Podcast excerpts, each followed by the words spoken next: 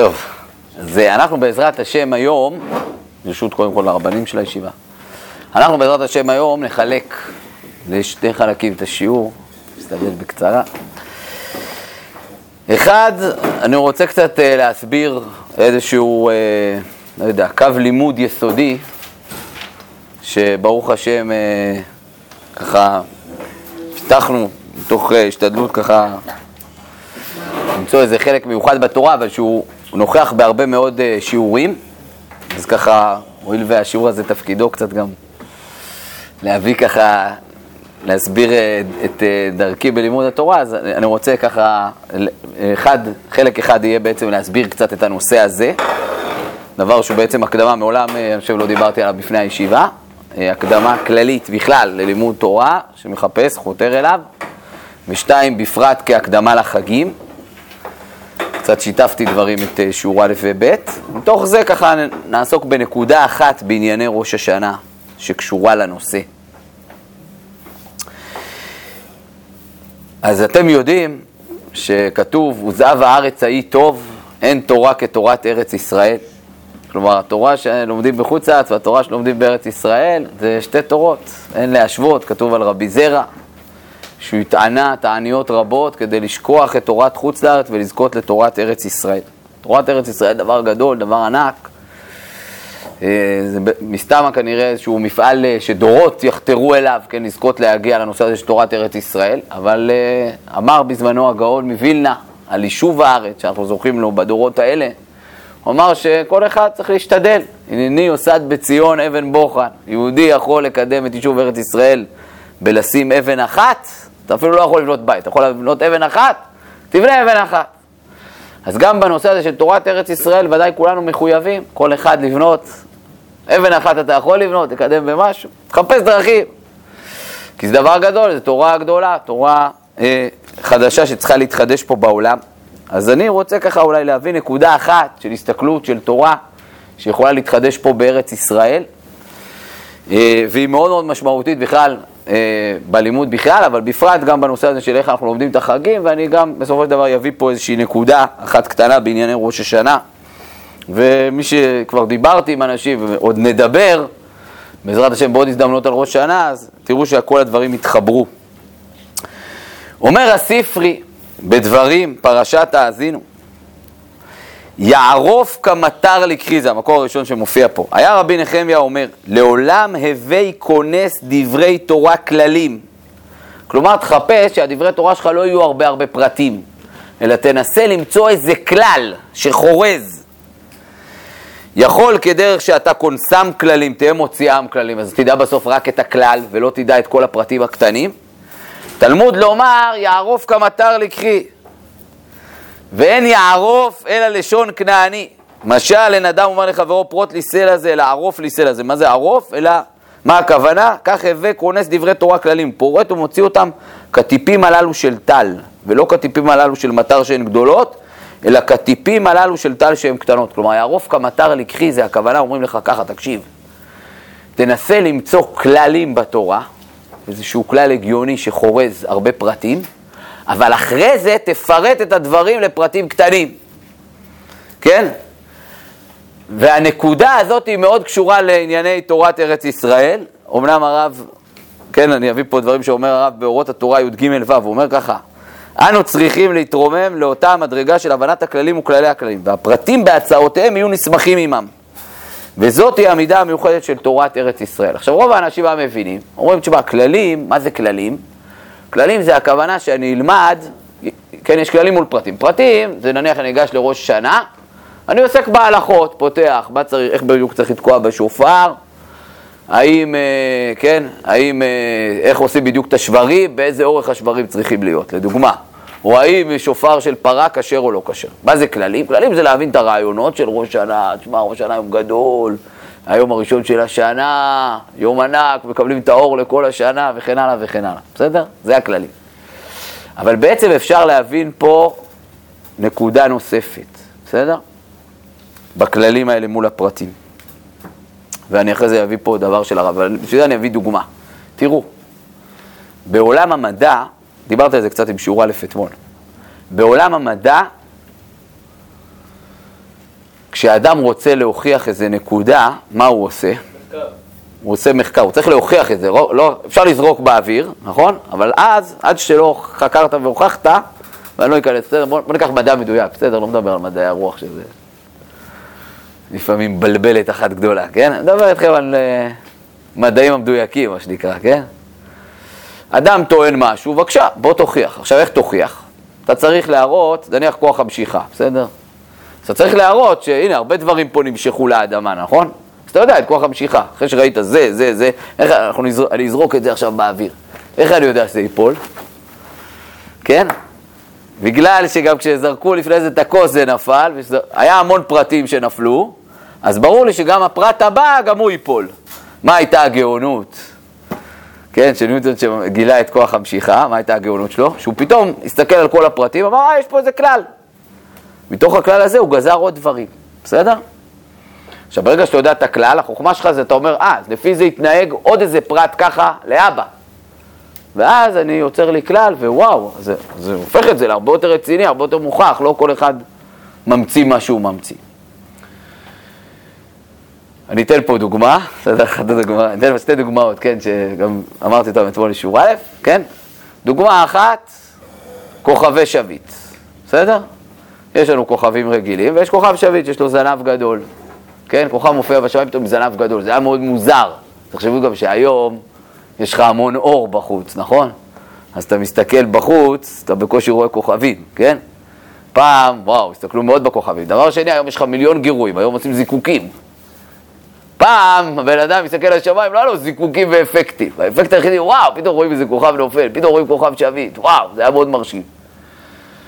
בסדר, ידעו שמדי פעם מופיעים כוכבי שביט, לא הבינו למה. יום אחד היה אדם בשם הלי, בסדר, אנגלי, הוא הלך, אמר, הוא הלך, בדק כל מיני עדויות בהיסטוריה על כוכבי שביט. כן? ואז הוא אמר, הוא קלט שיש פה בעצם איזה סדר והיגיון, בסדר? אז הוא אמר, אה, כוכב שביט חוזר כל תקופה. כאילו יש לו מסלול של אליפסה, הוא מתרחק מכדור הארץ ואז הוא חוזר. ובזמן שהוא קרוב לכדור הארץ אנחנו רואים אותו. הוא אמר, הכוכב הספציפי הזה מופיע כל 70 ושנים, בסדר? והאמת שכבר קדם לו, כן, הרב בגד הראה את זה בספר שלו, קדם כבר רבי יהושע בן חנניה שאמר שיש כוכב אחת ל-70 שנה שעולה ומטעה את הספנים. כן? ואז, מה היה החוכמה? שהוא בא ואמר, תקשיבו, בשנה זאת וזאת, הכוכב הזה אמור לחזור. אמר, אם יהיה כוכב בשנה ההיא, תדעו שצדקתי ושהאנגלי מצא את זה ראשון. אבל רבי יהושע בן חנניה גילה את זה כבר לפניו. כן? בכל מקרה, כשראו באותה שנה, אמרו, או, אז זה נכון. כלומר, מה קרה? הוא מצא כלל, ואז הוא ידע להגיד עוד פרטים. יפה. אותו דבר, יש עוד דברים שמצאו ככה, כן? לא, לא אכנס, אבל יש עוד דברים, זה העיקרון, בסדר? לא, שנתנו זמן. אותו דבר באיזשהו מקום גם בתורה. מה קורה? כשלומדים, במיוחד בלימודי אמונה, בלימודי הלכה וגמרא זה הרבה יותר ככה, נכון? תשמע, אתה צריך להוכיח את הדברים. הגמרא אומרת ככה, ככה, ככה, או, יש לך עקרונות מסוימים. באמונה הרבה פעמים יש מין תפיסה של אנשים שמע, כאילו, בוא נגיד מה שבא לנו, כן? כל אחד יכול להגיד, ניגש לפני זה, יאללה, תתחיל להגיד, כאילו, כן? לתת נאומים, כן? אז זה נכון שהעולם של האמונה הוא הרבה יותר נזיל, כן? הרב אה, יעקב אריאל בהקדמה שלו לספר שלו על פרשת שבוע באוהלי, לאוהלי התורה והמועדים, אז הוא כותב, למה קראתי לזה אוהל? כי בית יש לו קיר חתוך שאי אפשר להזיז אותו. אוהל אפשר קצת להזיז. אבל גם אוהל אפשר להזיז את היריעות שלו עד גבול מסוים, אי אפשר בלי גבול. אותו דבר גם בלימודי אמונה, צריך לדעת, זה לא כל אחד אומר מה שבא. החוכמה לנסות לחתור ולהבין עקרונות. כי אחרת כל אחד, אתה יודע, מתיישב איזה מקור, מתחיל לפלפל. בפרשת שבוע אתה יכול להסביר כל הסבר שאתה רוצה. לקראת חג אתה יכול להסביר כל הסבר שאתה רוצה. כן, אני אזכיר פה, אולי כבר, כן, אני אזכיר פה שבזמנו, אה, ביום השלושים, לקראת יום, הש... היה בזמנו חייל שנחטף בשם נחשון וקסמן, השם ייקום דמו, מאוד התפרסם. בפעולת חילוץ שלו הוא נהרג, כן? כשניסו לחלץ אותו, אז מאוד התפרסם. והיה זעזוע מאוד גדול בארץ, כי כמה ימים הוא היה חטוף, היה סרט שלו, זה לא היה סיפורי סבא, כאילו ראו סרט שהוא חי והחוטפים מאיימים עליו, ובקיצר היה סיפור שלם, עצרות תפילה גדולות, היה סיפור של התעוררות מאוד גדולה. ביום השלושים שלו, היה בחור חבר שלו כזה, משיעור ב' באיזה אחת הישיבות, לא משנה, הוציא חוברת, ואמונתך בלילות. חוברת, כאילו כל מיני תובנות אמוניות שלו מתוך הדברים. אז uh, אני זוכר שוואו, כולם התלהבו, בחור בשיעור ב', אני אפילו זוכר מי סיפר לי את זה, שוואו, תראה, חברו, חברו, הוציא, כאילו בחור בשיעור ב' הוציא חוברת באמונה. אני אפילו זוכר מי סיפר לי את זה, היום הוא ראש ישיבה חשוב, מי שסיפר לי את זה. Uh, ואז פתאום בא מישהו אמר שמורנו, רב אברום שפירא, זכר צדיק לברכה, שהיה ראש הישיבה, אמר שהוא נגד החוברת הזאת. למה הוא נגד? הוא לא פסל בהכרח את התכנים, הוא אמר לחוברת אין הסכמה. יש כלל מדורות קדמונים, שאדם, ש... לפחות בספר הראשון שאדם מוציא, הוא צריך להביא את זה הסכמה מתלמיד חכם גדול, שמסכים שהוא ראוי להוציא את הספרים, את הספר. אז אה, אמר אין הסכמה. אז אני זוכר שהתאספנו מסביבו, אמרנו, מה, אז מה? אמר, אתם אומרים לעצמכם אין הסכמה, מה הבעיה? זה בסך הכל אה, הלכה. זה, סליחה, אתם אומרים ככה, ספר בהלכה צריך הסכמה, אבל ספר באמונה, בטח לא צריך הסכמה, נו מה? אמר לא, טעות באמונה זה הרבה יותר חמור מטעות בהלכה, זאת אומרת, אפשר להגיע לכפירה. אפשר להגיע לכפירה. כלומר, לא כל אחד אומר מה שבא לו. עכשיו, פתרון לכל הסיפור הזה, זה הנושא הזה בדיוק של תורת ארץ ישראל, של כללים. כללים אפשר להבין בעוד צורה. אם נצליח למצוא גם ברעיונות האמוניים כללים, לראות, הנה פה זה ככה וככה וככה, ומצאנו כלל, אז קודם כל זה ייתן לנו עוד עושר אדיר, כי נוכל למצוא עוד הרבה פרטים בהמשך, כמו שהבאתי. נוכל לגלות עוד הרבה דברים חדשים. כי נבין שאם זה מתנהג ככה פה, ב-1, 2, 3, זה מתנהג ככה גם ב-4, 5, 6, בואו נלמד את 4, 5 ו-6. דבר שני, זה ייתן לנו מצפן וכיוון. כבר הרב קוק שרטט אמירה כזאת, ואני אקרא פה באורות התורה ו"ז, הפסקה השלישית בתוך כללי תורה הקדמה לחגים. הוא אמר את הדבר הבא: מגדל הפורח באוויר, אף שאפשר להנהיגו ברום האוויר, כתוב ככה, זה בנוי על גמרא. הגמרא אומרת, היו דואג ואחיתופל, שני רשעים שאין להם חלק לעולם הבא, מופיעים בתנ"ך, כן? כי הם רצו לח... לגמור את מלכות בית דוד, כן? אבל הם היו גדולים בתורה, גדולים ורשעים, בסדר? לכן התורה שלהם היא לא... כן? מה הייתה מעלתם? שהם ידעו לשאול 300 בעיות במגדל הפורח באוויר. הפשט זה כאילו כמו היום מטוס, כן? אבל פעם זה היה נניח הפריון. 300 שאלות הלכתיות. נניח שאלה הלכתית, אם מותר להיכנס למקום המקדש עם uh, הפריון הזה, בסדר? כשאדם נניח, uh, מותר לו להיכנס לקודש הקודשים כשהוא, למקום הפריון. מה? לטוס מה... למשל, או כל מיני, כן? אז הם ידעו לשאול 300 בעיות במגדל הפורח באוויר. הרב מסביר מה המעלה המיוחדת הזאת, מה, מה כאילו הגדול בזה. אז הוא אומר ככה, מגדל הפורח באוויר, אף שאפשר להנהיגו ברום האוויר, אבל קשה להתוות לו חילוק דרכים בדיוק הגון. בוא ניקח מטוס. מטוס יכול כאילו לנסוע באוויר, אבל מה, מה החוכמה? אם אתה רוצה שהמטוס יגיע ממקום למקום, אז ככה, מטוס בשונה מרכב, רכב נכון? אתה עולה על כביש, אתה לא יכול לצאת מהכביש, נכון? אז אתה מגיע, אתה יודע, נוסע מנתניה לירושלים, זה הכבישים תחתיך. מטוס, כאילו, יכול לנסוע איפה שבא לו, נכון? למעלה, למטה, לצדדים, לכל מקום. מה החוכמה של טייס כדי להצליח להגיע? יש נתיבי אוויר, כן? למצוא את הדרך בתוך האוויר. איך נוסעים? אז אומר הרב, אותו דבר בתורה. מה זה מגדל הפורח באוויר? חידוש הוא למצוא דרך באוויר. אותו דבר גם בתורה, חידוש מה? למצוא נתיב, נתיב באוויר, כלומר בעניינים של לימודי אמונה, כן, וכולי, החוכמה, בוא תמצא נתיב. אחרת כל אחד אומר מה שבא לו. ואני מציע את הנתיב הזה של הכללים. כן, במהלכי שכל הגבוהים בטעמי תורה, צריך גבורה יתרה להתוות להם אורחות פרטיות, למצוא נתיבים.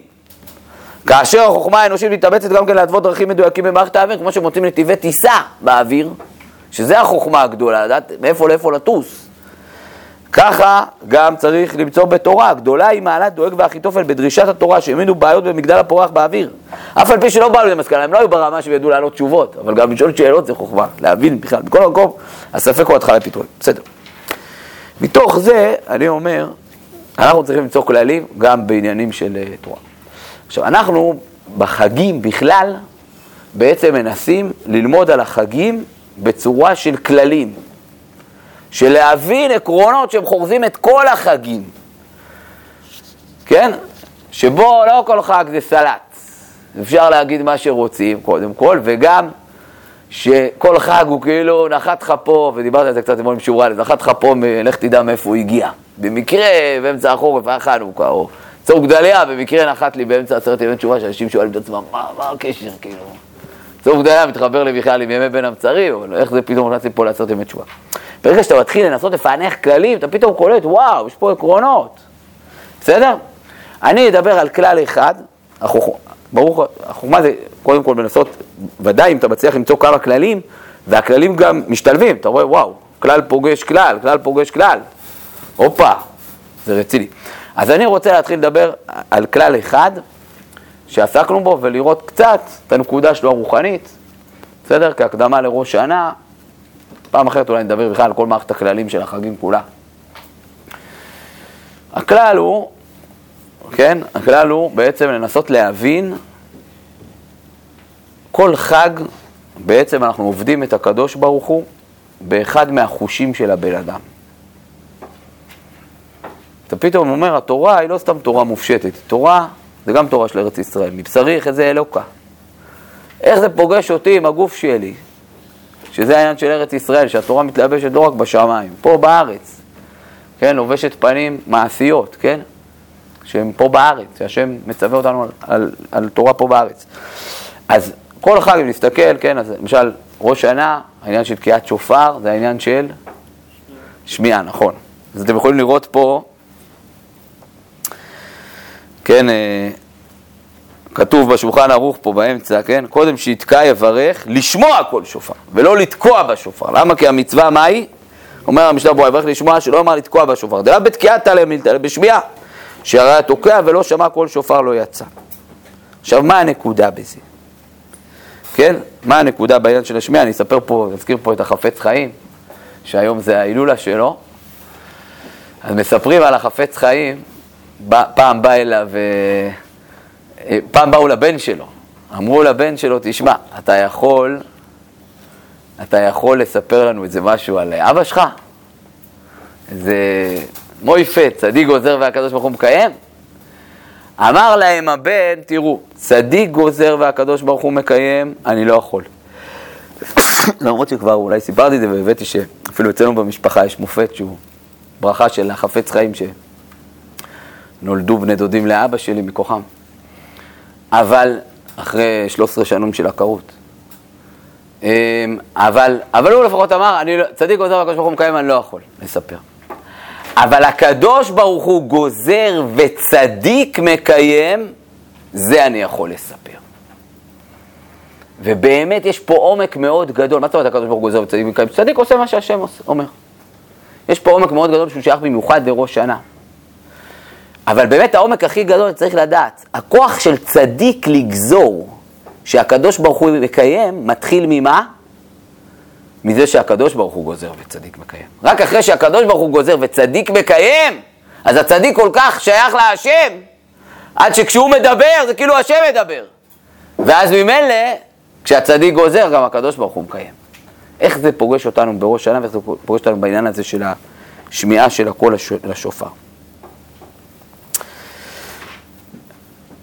אני אספר פה עוד סיפור שהוא סיפור מאוד מיוחד, ואחרי זה אני אדבר על הרעיונות, כן?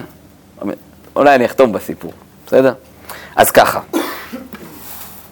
בואו ננסה ככה להבין. קודם כל, וגם בזה קצת דיברתי, קודם כל צריך להבין ככה. כל שנה בראש שנה, בעצם, כשראש השנה נכנס, כן? אז בעצם אנחנו יודעים שבכל חג חוזר המאורע הקדמון שהיה באותו חג. והמאורע הקדמון שקרה בראש השנה זה בריאת העולם. בראש השנה הקודם, הקדוש ברוך הוא נתן לנו כוחות חיים לשנה הקודמת.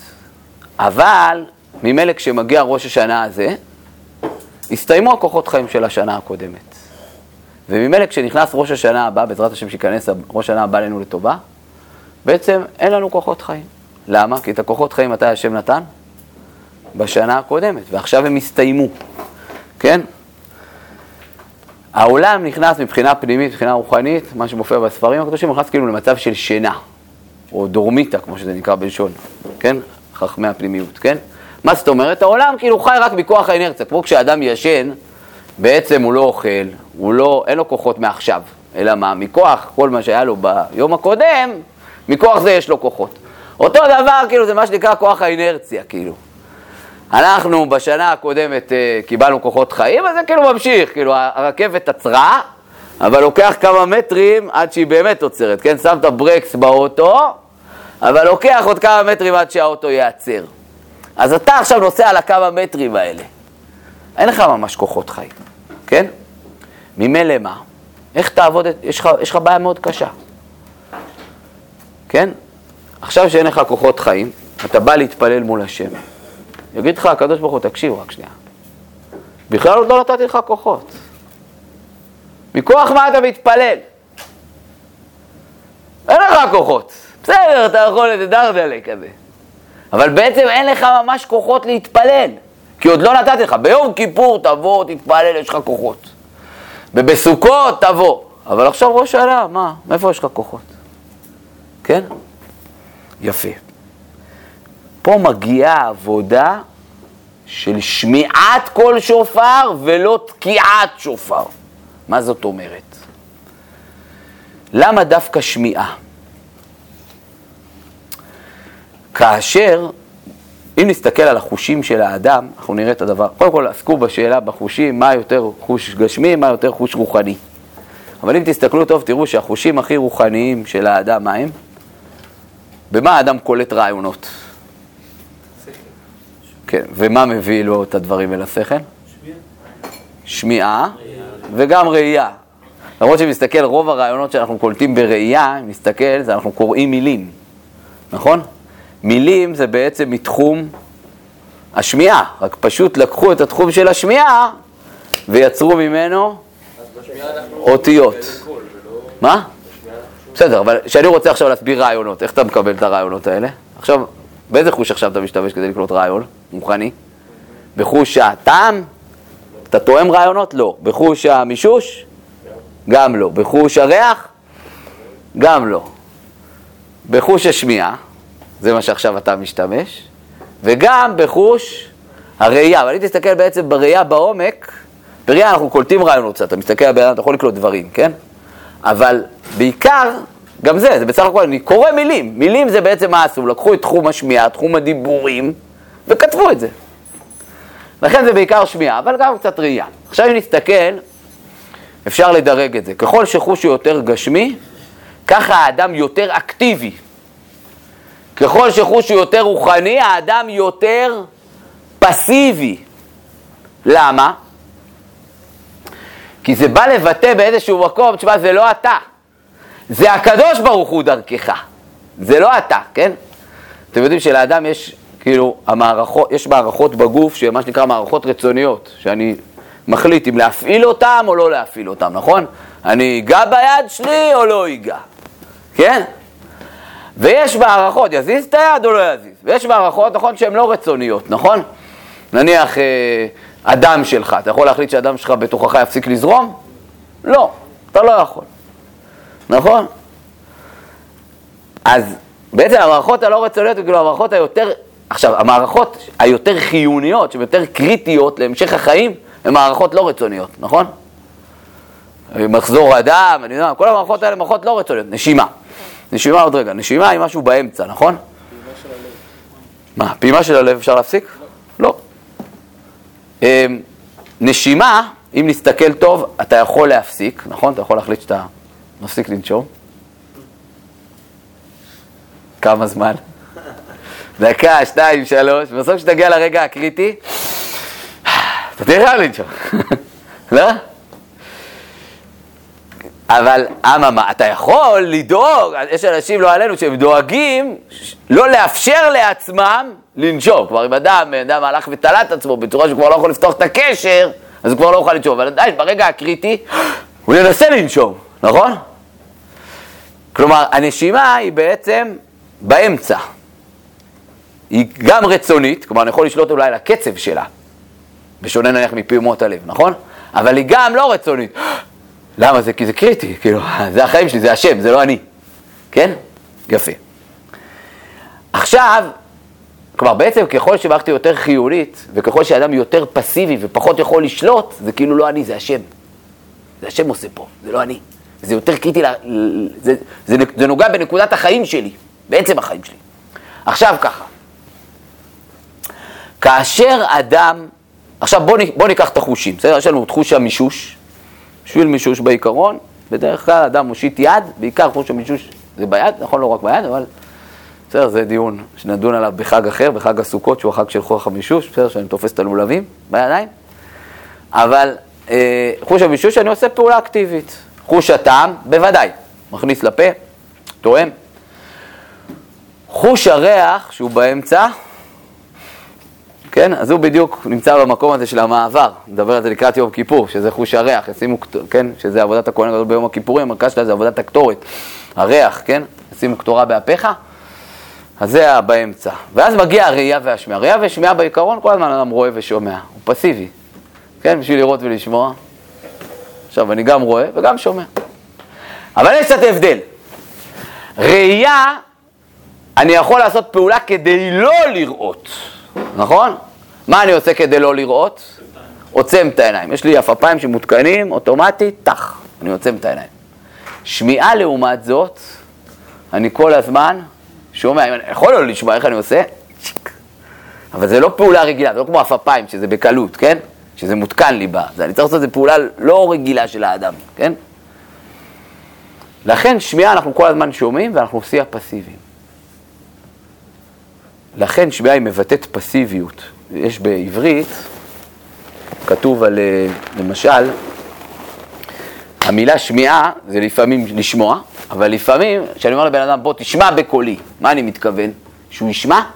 לא, אני יודע שהוא שומע, טכנית. אבל אני אומר לו, תקבל את דבריי. למה? כן, ולכן גם אונקלוס, למשל, כאשר רבקה אומרת ליעקב, היא אומרת לו, אך אתה בני, שמע בקולי ולך ככלי. אונקלוס לא מתרגם שם שמיעה, כמו שהוא מתרגם בהרבה מקומות, הוא מתרגם קבל מיני. למה? שמיעה היא מבטאת קבלה, למה? כי השומע הוא כאילו פסיבי, הוא מקבל את דברי השני. זה מבטא פסיביות, אני המדבר ואתה הפסיבי, אתה מקבל. בסדר? לכן שמיעה היא קבלה. באים ואומרים לך בראש השנה, אתה יודע מה אתה צריך לעשות? לא לתקוע בשופר, לשמוע כל שופר. להיות פסיבי, למה? כי עבודת השם של ראש השנה זה לא להגיד, שמע, יש לי כבר כוחות חיים, הקדוש ברוך הוא, אני בא וצועק לך, תעשה מה שאני אומר לך. לא, לא, אחי, אחי, עוד אין לך כלום. זה תעשה ביום כיפור. גם אז צריך כמובן לבוא בביטול אל השם, כן? אבל בראש השנה הזו יש לך בכלל כוחות? מי אתה בכלל? אתה קיים בכלל? אתה קיים? השם רק עכשיו בורא את העולם. מי אמר שהוא מחליט לקיים? בעזרת השם שנזכה כולנו לחיים טובים וארוכים. מי אמר שבכלל אתה קיים? אתה קיים? מי אתה? מי אתה בכלל? אתה עוד לא קיים, אני לא מכיר אותך. עוד לא קיים, עוד לא נולדת. עכשיו רק העולם נולד. אז אתה עוד לא קיים. אה, אתה רוצה להתקיים? אז אתה צריך להקשיב. הרי איך השם ברא את העולם? ברוך שאמר, והיה עולם, השם דיבר, והעולם מה? שמע ונברא. אז תשמע. עבודת השם של ראש שנה, תשמע, תקשיב. כל השנה אנחנו מדברים. פעם בשנה לא יקרה כלום אם קצת תקשיב. פעם בשנה תקשיב, תעצור רגע את החיים, תקשיב. מי עושה פה הכל עכשיו? זה השם עושה בכלל, לא אתה. מי אתה? אתה קיים? תקשיב. תשמע כל שופר. בסדר? לכן זה לשמוע כל שופר. לכן יש פה עוד נקודה, גם אמרנו שהעולם נכנס למצב של שינה, נכון? בגלל שכל הזמן אנחנו שומעים ומקבלים, אז מה? אז אה, כשאדם, בדרך כלל, איך מתעוררים? בואו נודע לאמת. אז לפעמים בא אלינו הרב אליהו יוליוס, שופך לנו מים על הפנים. כן, אבל בדרך כלל איך בן אדם נורמלי קם? נניח עכשיו אני רוצה פה להעיר את כולם, מה אני אעשה? אשים צעקה! נכון? או שאתה אומר ביקורת. וואי וואי. תדע לך, הדרך הכי טובה להעיר בן אדם, זה ללחוש לו באוזן את השם שלו. אז אתה קורא לו. מישהו סיפר לי שהוא היה במעבדת שינה, ממעבדת שינה, כן? היה במעבדת שינה, והוא היה צריך לקחת את הילדה שלו, ואז לפני זה אתה איזה יומיים לא ישן, כדי שיבדקו, שבטוח ישן, כדי ש... אין זמן שם במעבדה שהוא כן ירדם, לא ירדם. קיצר, הביאו ילדה, שמו אותה, נרדמה אחרי זה מים שלא ישנה, כן? אז אחרי שגמרו את הבדיקה, חצי שעה שעה, לא יודע כמה. עכשיו צריך להעיר אותה, איך תעירו אותה? האחות אמרה, זה לא בעיה, איך קוראים לה? ניגשה, אמרה לה את השם באוזן, היא קמה בשנייה. תנסו. תפנו אבל באמת לבן אדם.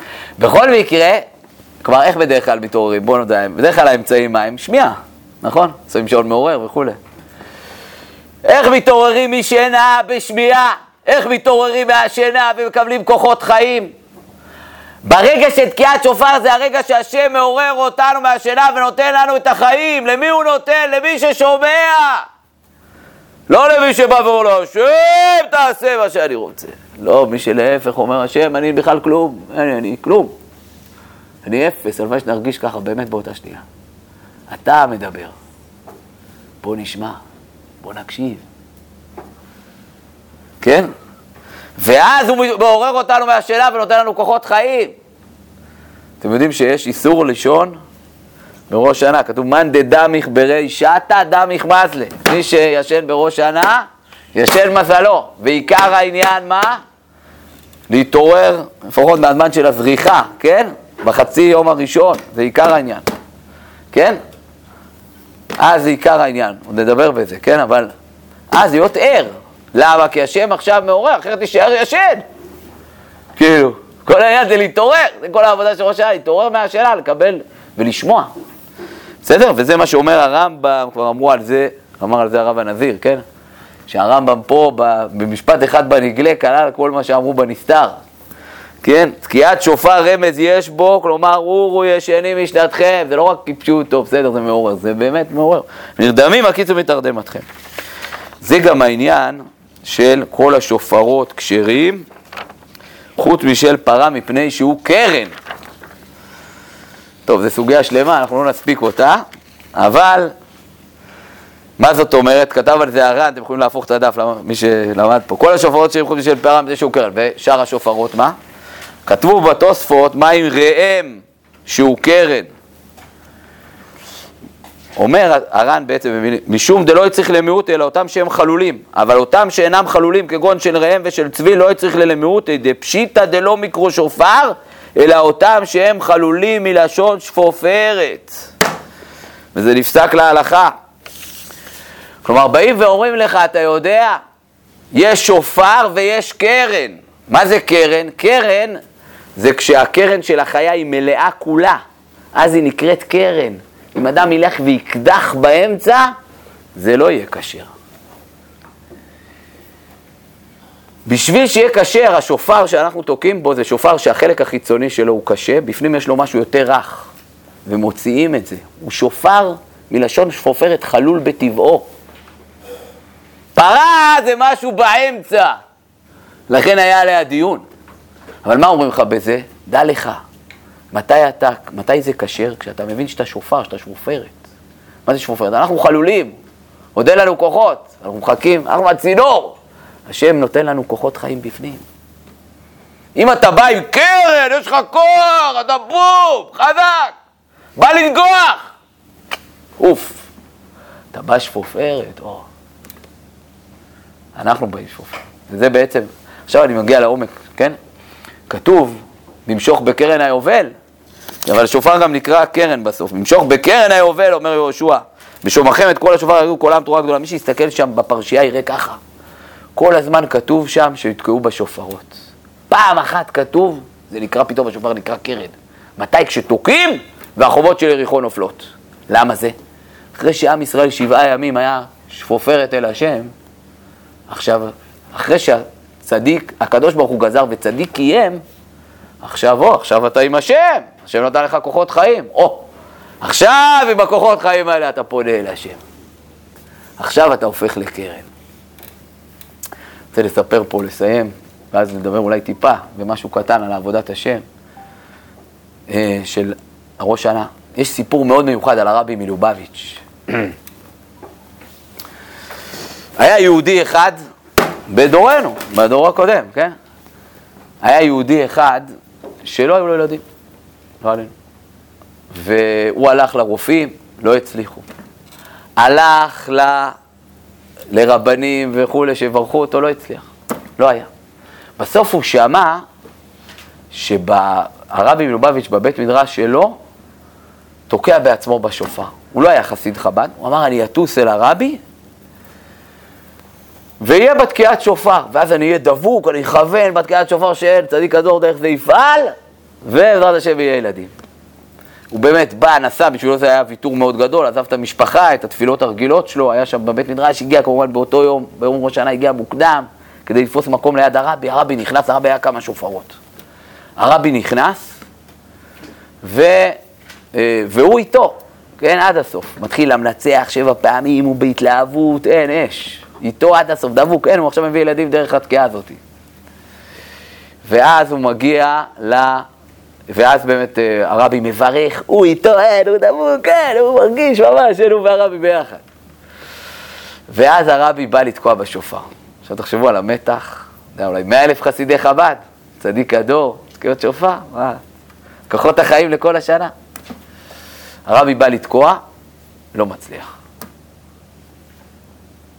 מחליף שופר, שופר אחר, לא מצליח. דקות, דממה. אין, הרבי לא מצליח לתקוע. תחשבו מה המשמעות מבחינת כל מי שנמצא שם. מה, מה יקרה חס וחלילה לעם ישראל בשנה הזאת. פתאום היהודי הזה אומר לעצמו, אולי זה בגללי, אולי זה בגלל שאני מנסה להכריח את השם לתת לי ילדים בכוח, זה בגללי. הוא מקבל החלטה מאוד כואבת, הוא מקבל החלטה לוותר. הוא מוותר על הילדים. וכל הנסיעה, הכל הלך. הוא מוותר על ההזדמנות חיים שלו. הוא מוותר. בשנייה שהוא מוותר, בעצמו, כן. בשנייה שהוא מוותר, באותה שנייה הרבי מצליח לתקוע. והתקיעות הולכות חלק. כל המאה. טוב. הוא חוזר הביתה כמובן, פחי נפש. ואתם יודעים מה קרה? באותה שנה נולד לו ילד. אבל זה לא מסתיים הסיפור. עוברים עוד כמה שנים, והוא עובר עם הילד שהרבי מחלק דולרים. כשהוא מגיע עם הילד לרבי, הרבי מסתכל על הילד ואומר לו, זה הילד של התקיעות? אתם יודעים מה המשמעות של זה? כשהוא היה קרן, התקיעות לא הלכו. כשהוא היה שופר, כשהוא ביטל את עצמו, כשהוא שמע קול שופר ולא תקע, אז הוא גם קיבל את כל השפע. מה זה אומר בפועל בתקיעות שופר? אני אומר, לפחות בתקיעות הראשונות, בסדר? לפחות בתקיעה הראשונה, בסדר? קודם כל אתה צריך להיות שופר, אחרי זה אולי, השם נתן לך כוחות, אתה יכול להתחיל לדבר, כן? לפחות בתקיעות הראשונות. בוא נבוא שופרות, כאילו, לא להגיד להשם, אה, אתה צריך לתת לי ככה. לחשוב בלב, השם, אתה, אתה מדבר. אנחנו, התפקיד שלנו להקשיב. בוא נתבטא לדיבור האלוקי. והיה פעם, כשלמדנו את זה עוד במצפה יריחו, אז אמר לי אחד החברים, אמר לי אחרי ראש הוא לימד אותי את זה, הוא אמר לי, אני באתי להתקיעות ככה. הוא אמר, אמרתי יותר, הוא אמר, אמרתי להשם, תודה שאתה נותן לי שפע, תודה שאתה נותן לי את הכוחות חיים. כלומר, אפשר לבוא ולשמוע, אני מציע, תקיעה הראשונה לפחות רק לשמוע. אבל אחרי זה אפשר להגיד השם, במקום להגיד השם, תן כוח השם, תודה, אתה יודע לנו כוחות חיים, זו זכות עצומה. השם ייתן לנו כוחות חיים, שנזכה בעזרת השם להיות שופרות, שהשם ייתן לנו כוחות חיים בלי גבול, נזכה לשנה טובה ומתוקה.